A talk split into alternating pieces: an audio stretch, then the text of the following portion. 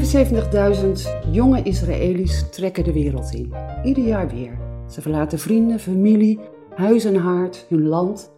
Sommigen gaan helemaal los en ze gaan op zoek naar, ja, wat eigenlijk?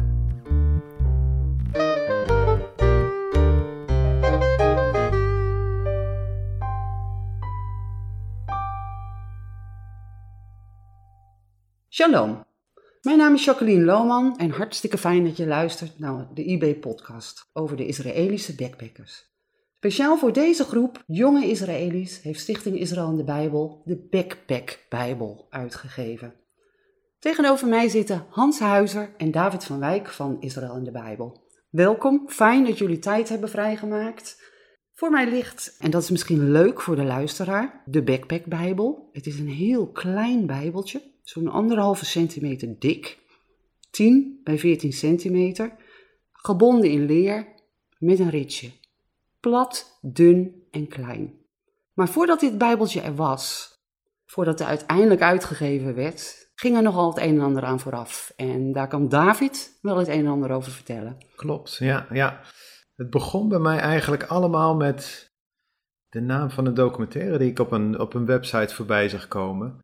En die naam was Flipping Out Israel's Drug Generation.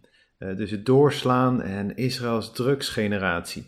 En dat bleef bij me haken. Ik ben natuurlijk betrokken bij het Joodse volk, dus ik ben eigenlijk nieuwsgierig van wat is dat? En ik ben hem gaan kijken en eigenlijk geschrokken van wat ik daar zag. Ik zag uh, jonge mensen, met name in India, op pad jonge Israëli's, die daar naartoe trekken, eigenlijk om daar met, met alles te experimenteren wat de wereld te bieden heeft. En met name drugs focust deze documentaire op. En eigenlijk schokkend om te zien dat die, die jongeren zo op zoek zijn naar rust en vrede voor hun hart. En dat raakte mij zo en dat, dat triggerde bij mij wat. Waarvan ik dacht van nou, hier moeten we iets mee gaan doen. Deze jongeren zijn op zoek naar rust en vrede voor hun hart. Dat kwam ook in die documentaire naar voren. Ja, ja nou, je ziet het eigenlijk dat het een zoektocht is. En je ziet dat ze op zoek zijn naar rust en vrede, op zoek naar Oosterse religies of de, het ontsnappen in de drugs. En bij mij triggerde dat eigenlijk, want ik dacht, ja, ik weet waar het antwoord te vinden is. wij kennen hun Messias die zelf zegt, kom naar mij, ieder die vermoeid en belast zijn, en ik zal je rust geven. En ik dacht, wat zou het mooier zijn dan hen dat antwoord aan te reiken, hun eigen Messias die antwoord geeft op die vragen. Het is op zich geen ongebruikelijke manier van de Heere God, hè? Dat hij vaak begint met een verlangen, een wens bij iemand of een stichting of een organisatie in het hart te leggen en dan gaan dingen vaak rollen. Zo is dat eigenlijk ook nu gebeurd, denk ik. De wens was er. En toen? Ja, we zijn er als, als team mee aan de slag gegaan. We zijn ervoor gaan bidden in de eerste plaats van wat, wat, hier, wat, wat kunnen we hiermee doen? Wat mogen we hiermee doen? En uh, we hadden ook het besef van ja, we moeten ergens, als we hier iets mee willen doen, voet aan de grond gaan krijgen. En we waren aan het bidden van heer, laat, laat u het maar zien waar we naartoe moeten gaan. Zelf kwam, omdat die documentaire India zo naar voren kwam, India als eerste bij ons bovendrijven. Van zouden we daar naartoe kunnen gaan om ze dit aan te reiken. Ook vanwege het hoge aantal Israëli's? Klopt, omdat ja. van die 75.000 Zo twee derde gaat er 50.000 Ja. naar India gaan, Klopt. elk jaar. Ja, inderdaad. Dus dat kwam bij ons bovendrijven. We zijn ervoor gaan bidden. En toen kwam er bij ons een mailtje binnen via een van onze websites, een berichtje van een evangelist in India. Die, die ons mailde van, joh, ik zie dat jullie bijbels hebben voor Joodse mensen eh, in het Hebreeuws. Nou heb ik hier een heel bijbeldepot met bijbels in alle mogelijke talen. Maar ik heb niks voor al die Israëlische backpackers die hier bij ons op de stoep komen. Kunnen jullie me helpen? En dat was voor jullie ook Dat de het- bevestiging? Ja, dat is het antwoord op ons gebed eigenlijk. Van hier mogen we hier wat mee doen. En hier kwam de vraag naar, naar ons toe. Plus gelijk iemand die daar woonde, die er hart voor heeft. En die ons daar de, de weg kon wijzen. Hij heeft ons in contact gebracht. Ik, ik heb hem uiteraard gelijk teruggemaild van ja, we willen je graag helpen. Wat kunnen we doen? Maar ken je ook nog andere evangelisten die er onder die Israëli's op uitgaan? En hij bracht ons in contact met een, een echtpaar, Rash en Sarah, die juist, een aantal, jaar- die juist een aantal jaar daarvoor ook een roeping hadden gekregen van God om juist onder die Israëli's aan de slag te gaan.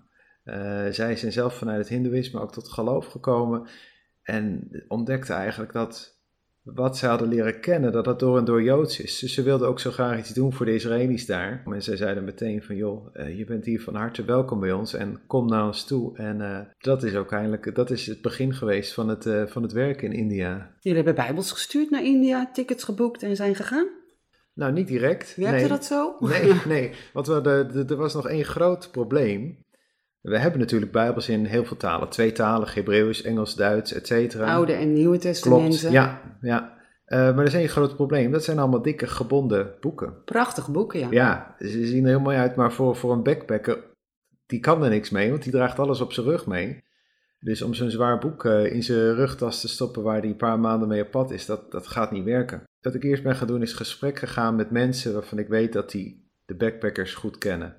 En die zeiden allemaal tegen mij, stuk voor stuk onafhankelijk van elkaar: Een backpacker zal niks van je aannemen, tenzij het iets kleins is en licht, wat hij makkelijk mee kan nemen. En iets is wat er aantrekkelijk uitziet, wat hij mooi zal vinden, wat hij ook kan meenemen als een herinnering van zijn reizen. En zo zijn we er eigenlijk op gekomen van we hebben een uitgave nodig die klein is, die, die licht is, maar die er ook aantrekkelijk uitziet. Die, die, en die robuust genoeg is voor het leven van een backpacker. En uh, zo zijn we op de Backpack-Bijbel eigenlijk eerst uitgekomen. Ja, en het is een Nieuw Testamentje? Met de psalmen erbij. Met de psalmen. Ja. En waarom is er gekozen voor uh, het toevoegen van de psalmen? Want daar wordt hij alleen maar dikker van. Klopt, ja. Dat heeft verschillende redenen. Eentje daarvan is dat het binnen de Joodse cultuur heel gebruikelijk is om onderweg psalmen te lezen. Als je in het Israëlisch openbaar vervoer een vrouw een boekje ziet zitten lezen, religieuze vrouw, dan is de kans groot dat dat de psalmen zijn. Het is heel gebruikelijk om die onderweg met reizen te lezen. Maar ook, wat voor ons voor het werk heel mooi is, al die Israëli's die krijgen in hun diensttijd, krijgen ze de Tenach, het Oude Testament. Maar die hebben ze natuurlijk niet bij zich op hun reizen. Nee. Terwijl het heel mooi is om op zo'n reis toch iets van de profetieën te kunnen laten zien. En juist de psalmen bevatten ook heel veel profetieën. Dus waar het geeft aanleiding om ook die profetieën te lezen. Plus dat de psalmen natuurlijk ook heel troostrijk zijn in, in moeilijke tijden. Dus juist waar zij doorheen gaan.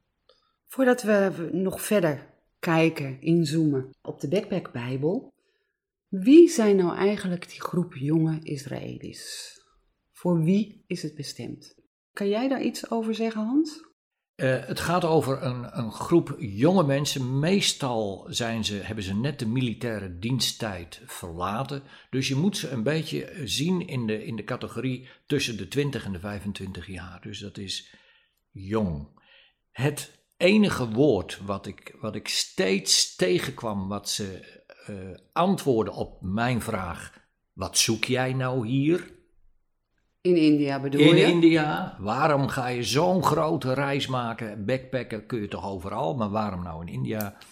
En dan was altijd het antwoord: vrijheid. Wij zijn op zoek naar vrijheid. En dat is daar. Ze zijn vrij om alles te doen, ook alles wat onze God, de God van Abraham, Isaac en Jacob, verboden heeft. Ja. En, en zijn het religieuze Israëli's of juist niet? Nou, wat je ziet, de meeste die we ook daar ontmoet hebben, maar wat ook blijkt uit onderzoeken van Israëlische professoren, is dat de meeste uit niet-religieuze families komen. Ze komen ook, ze zijn inderdaad allemaal tussen de 22 en de 25 jaar, komen vaak uit de, de middenklasse. Nou, wat Hans zegt, dat klopt ook. Ze zijn echt op zoek naar vrijheid en dat zie je ook aan de bestemmingen die ze uitkiezen. We hebben India genoemd. Uh, maar ze gaan ook naar de rest van Azië. Daar komen ze vooral vanwege de, de Oosterse religies die rust en vrede beloven. Maar er gaat bijvoorbeeld ook een groep naar Zuid-Amerika. Die zoeken daar de natuur op, maar net zo goed het, het nachtleven van Rio de Janeiro, van de grote steden daar. Uh, en dan gaat een groep naar uh, Australië, Nieuw-Zeeland. En die zijn vaak wat ouder. Die hebben vaak eerst gestudeerd en die, die ontsnappen eigenlijk vooral, die zoeken hun rust in de natuur, in het, het opdoen van ervaringen. Maar die drijfveer van vrijheid, die herken je heel goed terug en ook, ook wel ontsnappen. Want dat het precies deze leeftijd is, heeft natuurlijk een oorzaak. Ze komen net uit die diensttijd. Je moet je voorstellen, elke 18-jarige moet in dienst in Israël. En dat betekent nog wat anders dan de dienstplicht die wij hier in Nederland vroeger hadden. Daar was je ook wel een tijd van je vrije tijd kwijt. Maar hier in Israël is het uh, jongens drie jaar in dienst, meisjes twee jaar. Maar ze hebben niet alleen die dienstplicht waarmee ze tijd aan moeten besteden. Ze hebben ook dagelijks te maken met, met de dreiging. Ze krijgen op hun achttiende geweer in handen en hebben ook daadwerkelijk in de praktijk te maken met moeilijke keuzes. Ze komen daadwerkelijk voor keuzes te staan van moet ik inderdaad die trekker overhalen of niet. Eigenlijk beslissingen die, die zo uh, moeilijk zijn voor een 18-jarige. En dan, dan kan Israël nog zo'n hoge morele standaard in het leger hebben. Ze hebben te maken met die dreiging. En dat doet wat in hun, uh, in hun hoofd. En dat, dat maakt ook dat ze die vragen gaan stellen, die vragen over het leven. Ja, want, want men zegt dat vooral na de Yom Kippur-oorlog van de 73, zeg ik uit mijn hoofd. Klopt. Dat toen ook een beetje het hele backpacken op gang is gekomen, hè? gewoon is geworden. En, en dat ook die ervaringen inderdaad in het leger, want het is, ik bedoel, ik ken mensen die hun scriptie hebben geschreven in hun diensttijd. Nou, dat gaat in Israël niet gebeuren. Het is gewoon heel anders, maar juist door die ervaringen die ze daar hebben meegemaakt, de verschrikkelijke dingen, de dreiging, continu in een conflict moeten leven, continu alert moeten zijn is, is dat ook de reden waarom veel Israëli's gaan reizen? Je gaf het nu al een beetje aan. Ze willen vrijheid, ze willen weg, ze willen...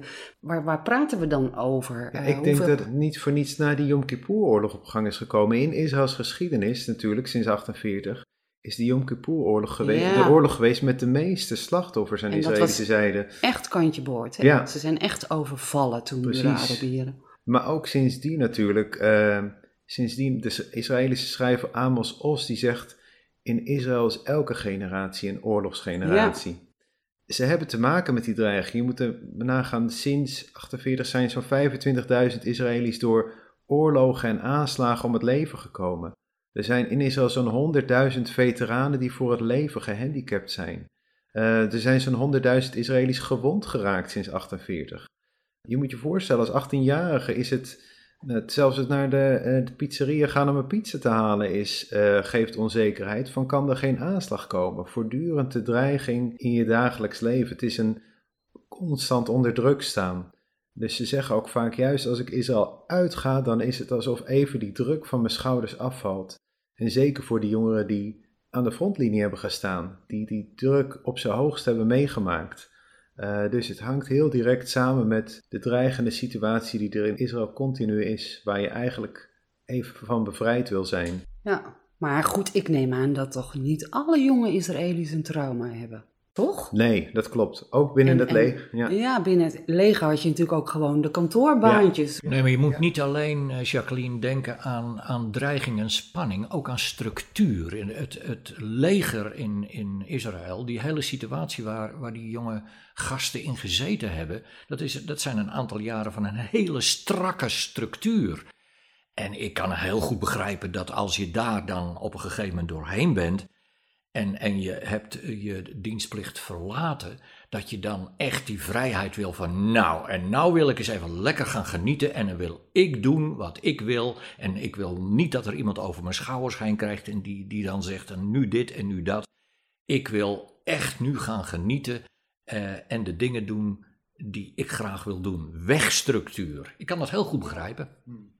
Ja, dat kan ik me ook wel iets bij voorstellen, ja. Ja, heel goed. Maar, maar los van het leger zijn er nog andere dingen. Ik denk bijvoorbeeld, speelt sociale controle een rol? Ja, Israël is een land waar heel veel sociale controle is. Met name binnen eh, de religieuze gemeenschappen natuurlijk, waar veel sociale controle is van hoe je leeft. Maar die controle merk je net zo goed daarbuiten, al is die misschien op een andere manier aanwezig dan binnen de religieuze gemeenschap er is wel sociale controle. Er is uh, de, de familiebanden die, die heel nauw zijn. Uh, het gezag van de rabbijnen, ook als je binnen een niet-religieuze gemeenschap leeft, hebben de rabbijnen invloed op het sociale leven in Israël. Enorm. Uh, ja, dus Enorm, die, ja. ook die, ook als je niet religieus bent, dan, dan ervaar je dat.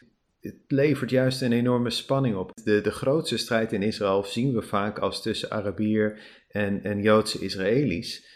Maar de grootste strijd in werkelijkheid is eigenlijk binnen de Joodse Israëli's onder elkaar, tussen de religieuze en de niet-religieuze, die constant botsen over wat er wel en niet mag binnen het sociale leven in Israël.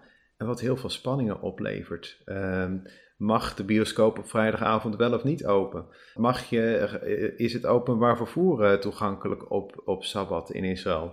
Maar ook het leger zelf. Uh, in principe moet iedereen het leger in, behalve de religieuzen. Die hebben daar een vrijstelling voor, wat natuurlijk ook spanning geeft. Dat die niet-religieuzen zeggen, ja, wij wel het leger in, maar jullie niet. Ja, nou ja, tegenwoordig moet een, een beperkt aantal religieuzen wel het leger in, maar ook dat geeft logistiek zoveel problemen, want ze kunnen niet samen met vrouwen in een eenheid, noem je dat geloof ik hè? Ja.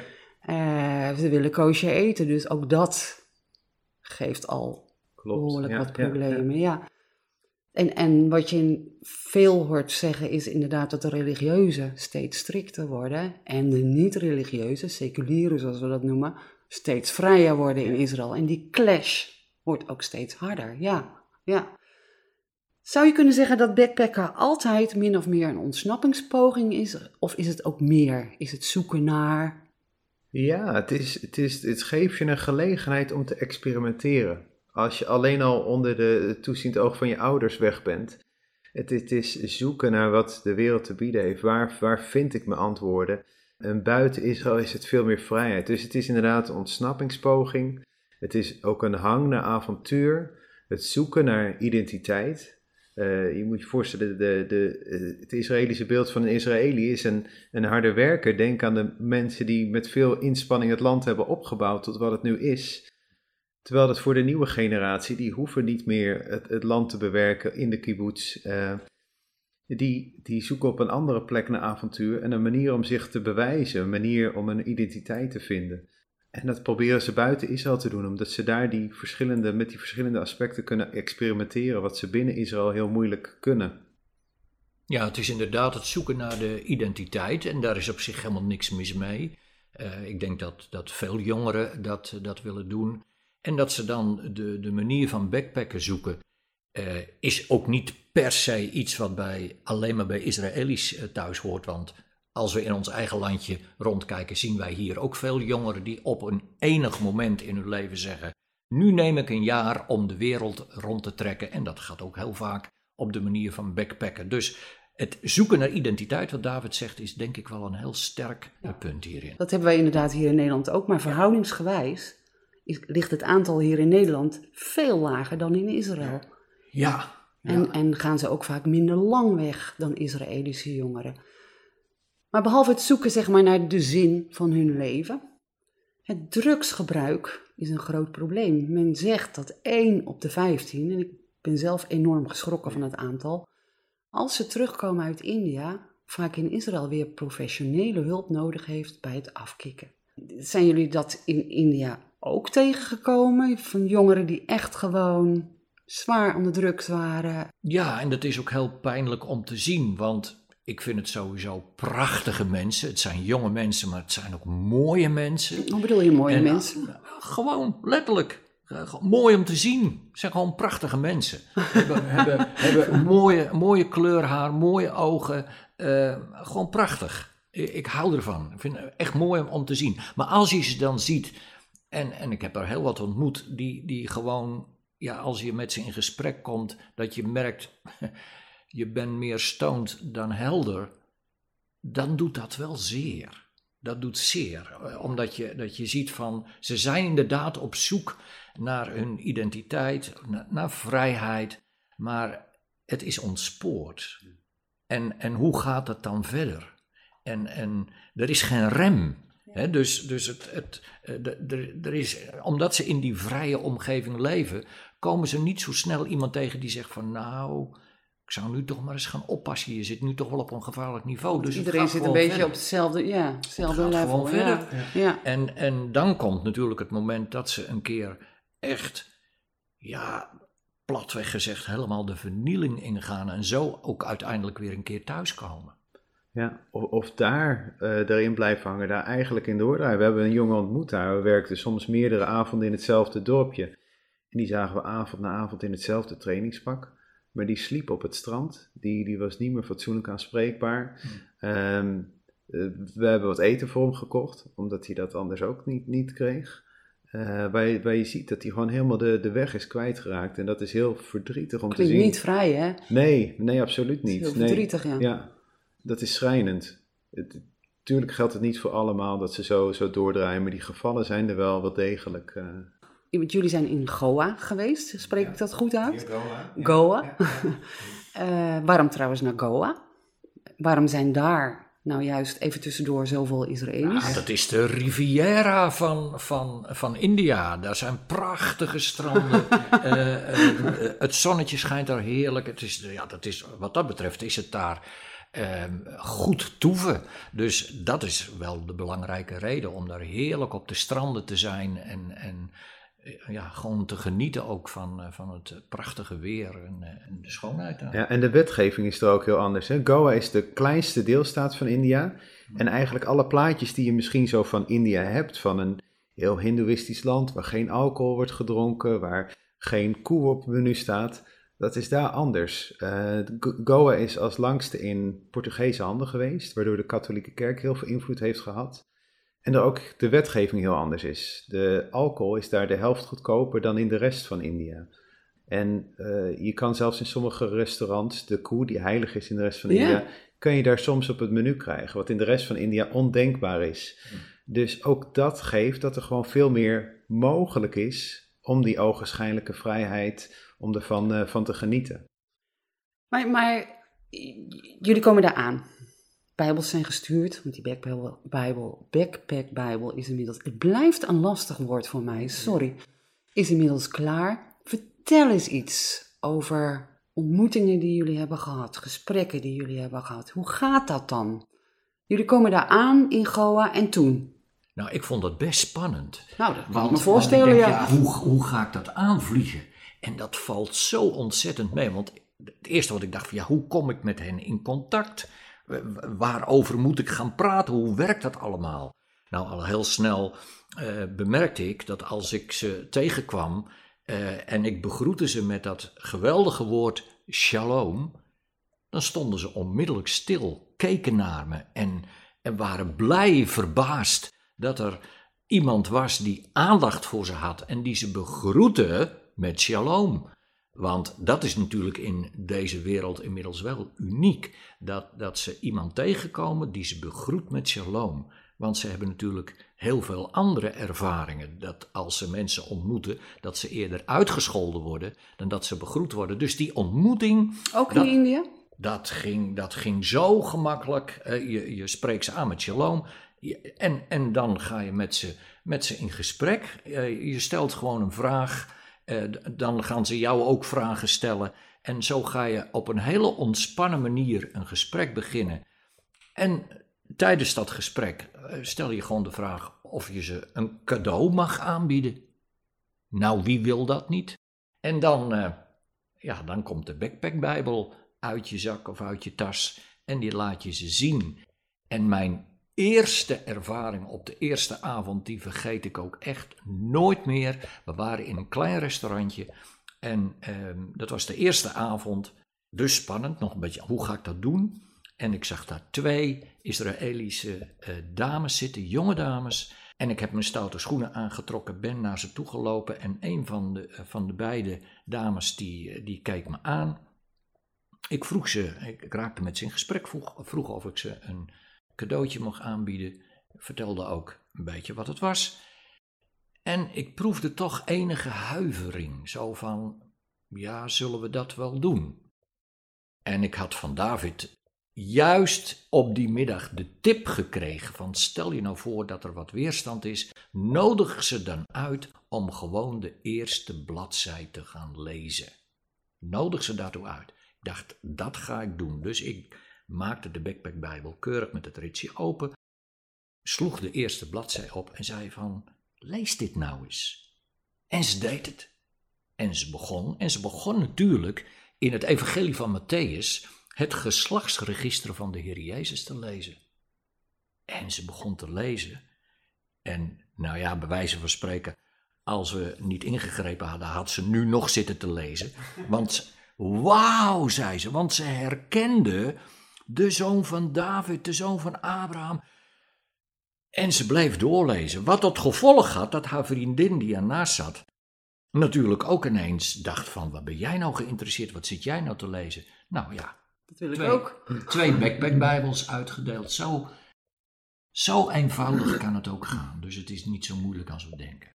Maar je moet Ik moet, hè? Wij moeten even over een drempeltje heen. En dat is ook goed, denk ik. Ja, Dat is ook goed.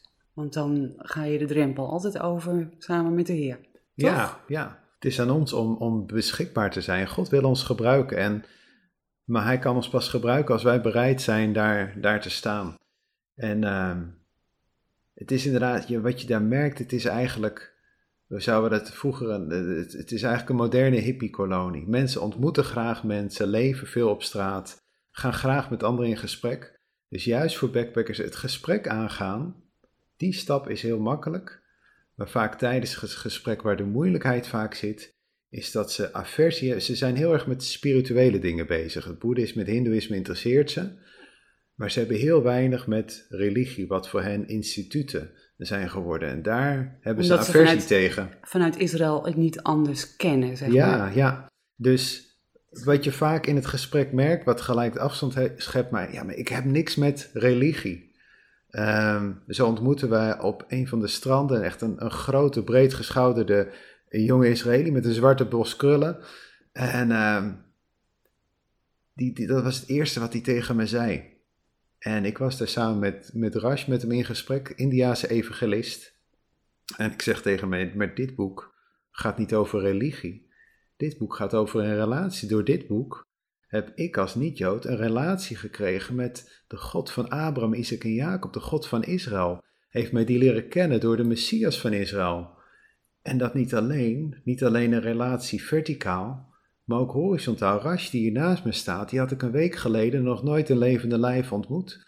Maar toen ik hier op het vliegveld aankwam, was het dit geloof wat ons aan elkaar verbond en waardoor ik nu zelfs bij hem thuis overnacht. En zijn mond viel open van verbazing, want dat vond hij onbegrijpelijk dat we elkaar een week geleden nog niet hadden ontmoet, maar dat dit ons zo'n relatie gaf dat we nu zo samen optrokken. En, eh, en dat maakte heel erg indruk op hem. En dat is wat we ook mogen laten zien, die, die rijkdommen die we daar juist door dit boek hebben leren kennen, maar die bij hen volk van, hun volk vandaan komt.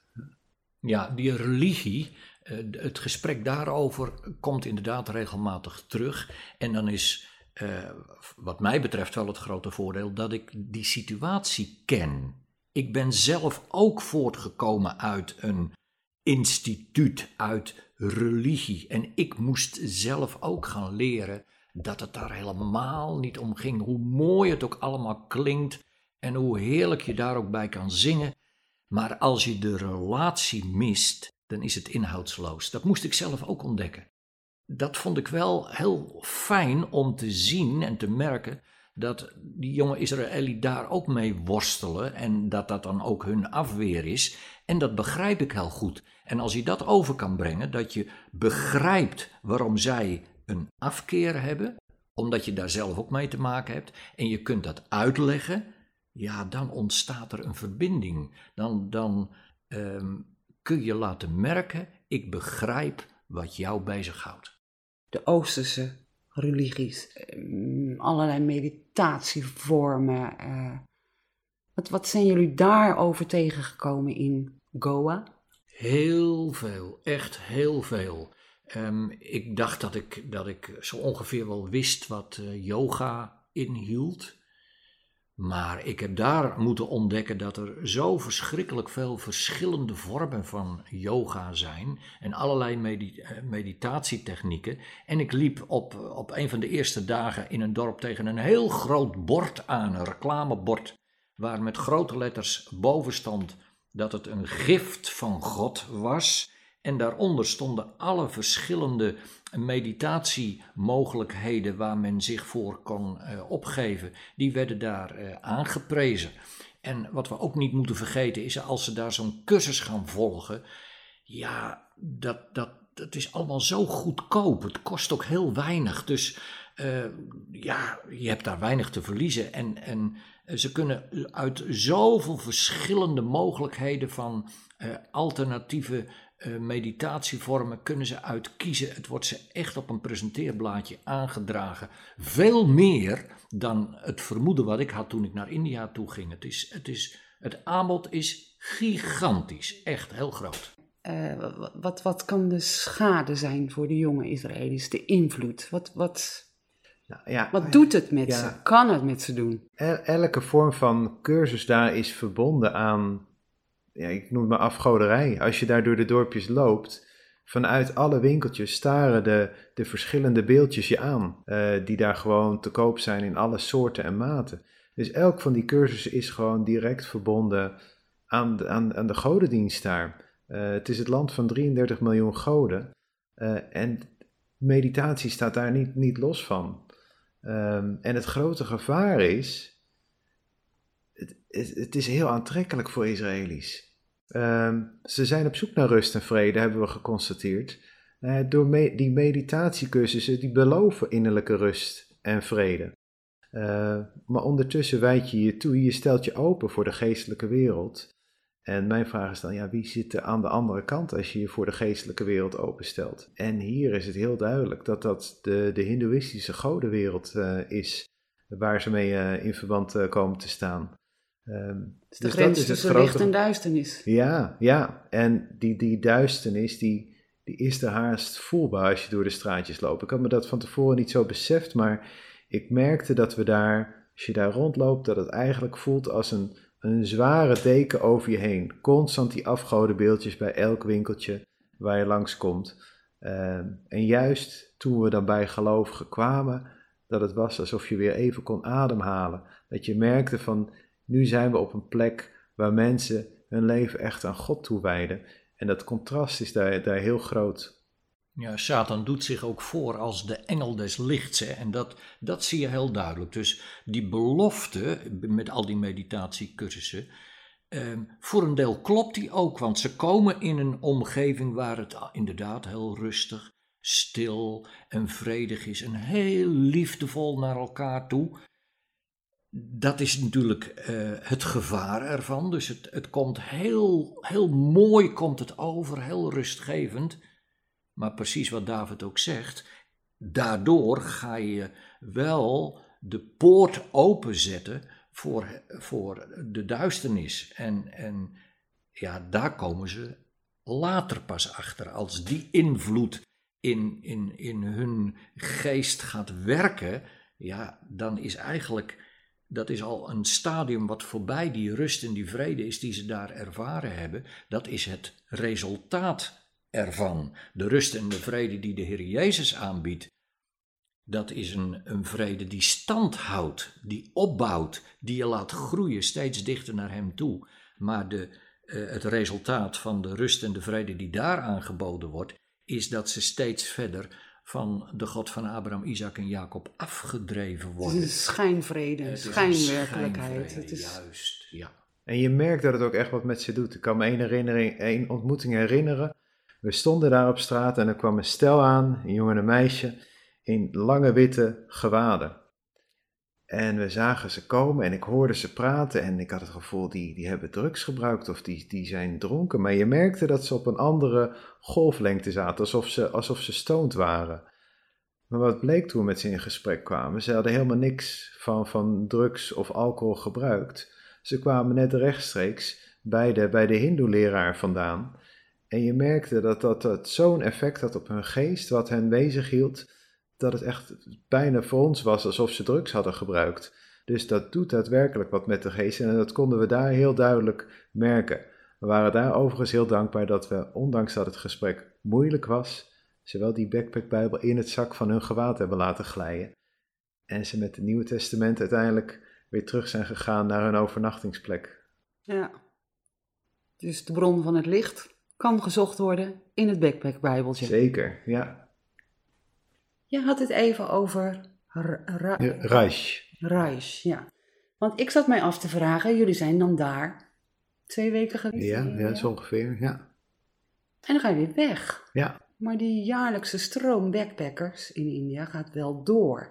nou daar waren we ons, dat is heel goed van bewust van tevoren, van, van onze tijd daar is beperkt en je kan een beperkt aantal bereiken. Vandaar dat we het ook heel belangrijk vonden om juist tijdens de reis in gesprek te gaan met lokale gelovigen. Eh, onder andere Rash en Sarah, die er eh, eigenlijk fulltime op uitgaan. eh, en die we, die we daarvan de materialen mochten voorzien. Maar net zo goed met andere gelovigen in gesprek gaan. En ze het belang laten zien van met Israëli's in gesprek gaan. Dus niet alleen de fulltime evangelisten, maar ook gewoon de mensen die daar aan de gemeente kwamen, die een, een zaakje hebben waar veel toeristen komen, een winkeltje. Mensen die muzieklessen geven aan, aan toeristen, wat Israëli's daar heel leuk vinden om muzieklessen te volgen. Dat die gewoon in hun dagelijks leven ook Israëli's tegenkomen en voor hen heel makkelijk is om een, om een Nieuw Testament weg te geven, zo'n backpackbijbel. Want Israëli's komen heel graag in gesprek met lokale mensen. Ze komen om culturen te leren kennen. Dus vandaar dat we juist hebben geprobeerd ook zoveel mogelijk ontmoetingen te plannen met lokale gelovigen, evangelisten, voorgangers, uh, om met hen het gesprek aan te gaan, materialen te geven en waar nodig ook te trainen. Te trainen, ja. dus, dus samen zeg maar bijbelstudie te doen. Klopt. Belang van het verspreiden van bijbels onder Joodse mensen. Ja. Bijzonder, heel bijzonder. Is er nog iets wat ik vergeten ben aan jullie te vragen? En wat je toch nog heel graag zou willen vertellen? Ja, dat is er wel. Ja, ja, ja zeker. Um, want want we, we hebben vaak het idee van, nou ja, dat, dat is echt iets Nederlands. Hè. Er, zijn van die groepen die uh, heel erg Israel-minded zijn. En die krijgen dan een bepaalde roeping om, om dit of dat te doen. Dat is, dat is echt wel iets wat, wat bij Nederland hoort. Nou, dat is gewoon niet waar, want dat hoort ook bij India. We hebben daar een echtpaar ontmoet. Uh, beide uh, in een hindoe-gezin opgegroeid, zijn tot, uh, tot bekering en wedergeboorte gekomen.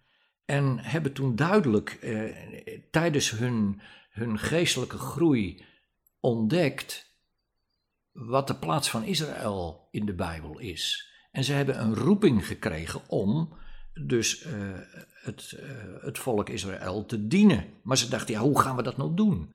Nou, dat heeft om een lang verhaal kort te maken, dat heeft heel veel tot gevolg gehad. Onder andere dat zij met hun jonge gezin, hun bestaande situatie, ze hadden een eigen uh, ondernemingje daar, dat hebben ze aan de kant gezet, dat hebben ze verkocht. Ze zijn 1800 kilometer uh, gaan reizen naar een andere plaats, naar Goa toe, om daar uh, onder de Israëlische backpackers te gaan, gaan werken. En als ik zie hoe ze dat aanpakken, hoe ze dat doen, maar zeker ook met, met welke uh, geestelijke bagage ze dat ook doen, daar ben ik, ben ik zo ontzettend van onder de indruk geraakt. Ik krijg nog, nog steeds ook informatie van hen hoe ze daar een centrum aan het opbouwen zijn waar ze uh, de Israëli ontvangen om met hen de Shabbat te vieren.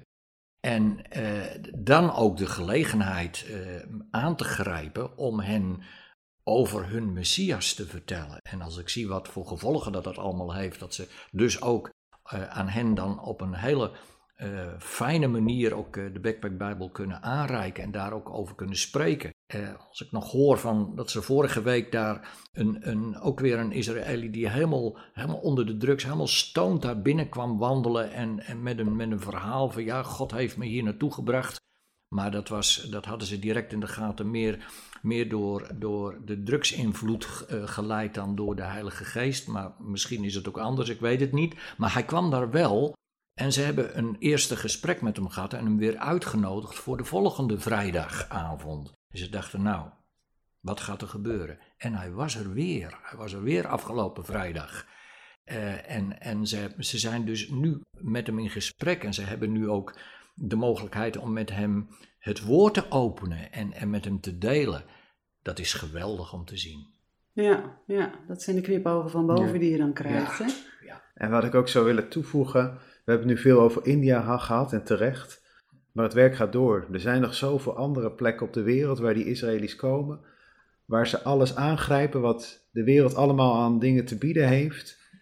En wat zou het geweldig zijn. Het is eigenlijk onze droom dat op al die plekken waar ze komen, niet alleen die antwoorden te vinden zijn die de wereld te bieden heeft, maar ook vooral het antwoord wat in hun eigen Joodse boek, het Nieuwe Testament, te vinden is over hun eigen Messias, de Messias van Israël, die hen dat antwoord geeft. En daarom is het onze droom dat niet alleen in India, maar ook op zoveel andere plekken waar ze komen, die, die Backpack-Bijbel straks beschikbaar is door lokale gelovigen en evangelisten. En dat uh, als de Heer het geeft, dat we ook op andere plekken zulke reizen mogen maken. Ja. Ja, dat zou fantastisch zijn, hè? want uh, ja, weet je, Israëlische jongeren verlaten hun land zoekend naar antwoorden en het antwoord bestaat. Dat is er gewoon. De grote vraag aan ons is natuurlijk, zijn wij klaar om ze dat antwoord ook aan te reiken, om dat ook aan te bieden aan ze? We kunnen dan inderdaad wijzen op de liefdevolle woorden van de Messias, van de Heer Jezus, die zegt van kom maar, kom maar naar mij als je moe en belast bent. Ik kan en zal je rust geven. Lieve luisteraar, dank je wel voor het luisteren. David en Hans, dank je wel voor jullie tijd. En luisteraar, laat ons ook eens weten wat je van onze podcast vindt. Like het dan als je het wat vindt en deel het met anderen. Tot de volgende IB-podcast. Dag en vooral shalom.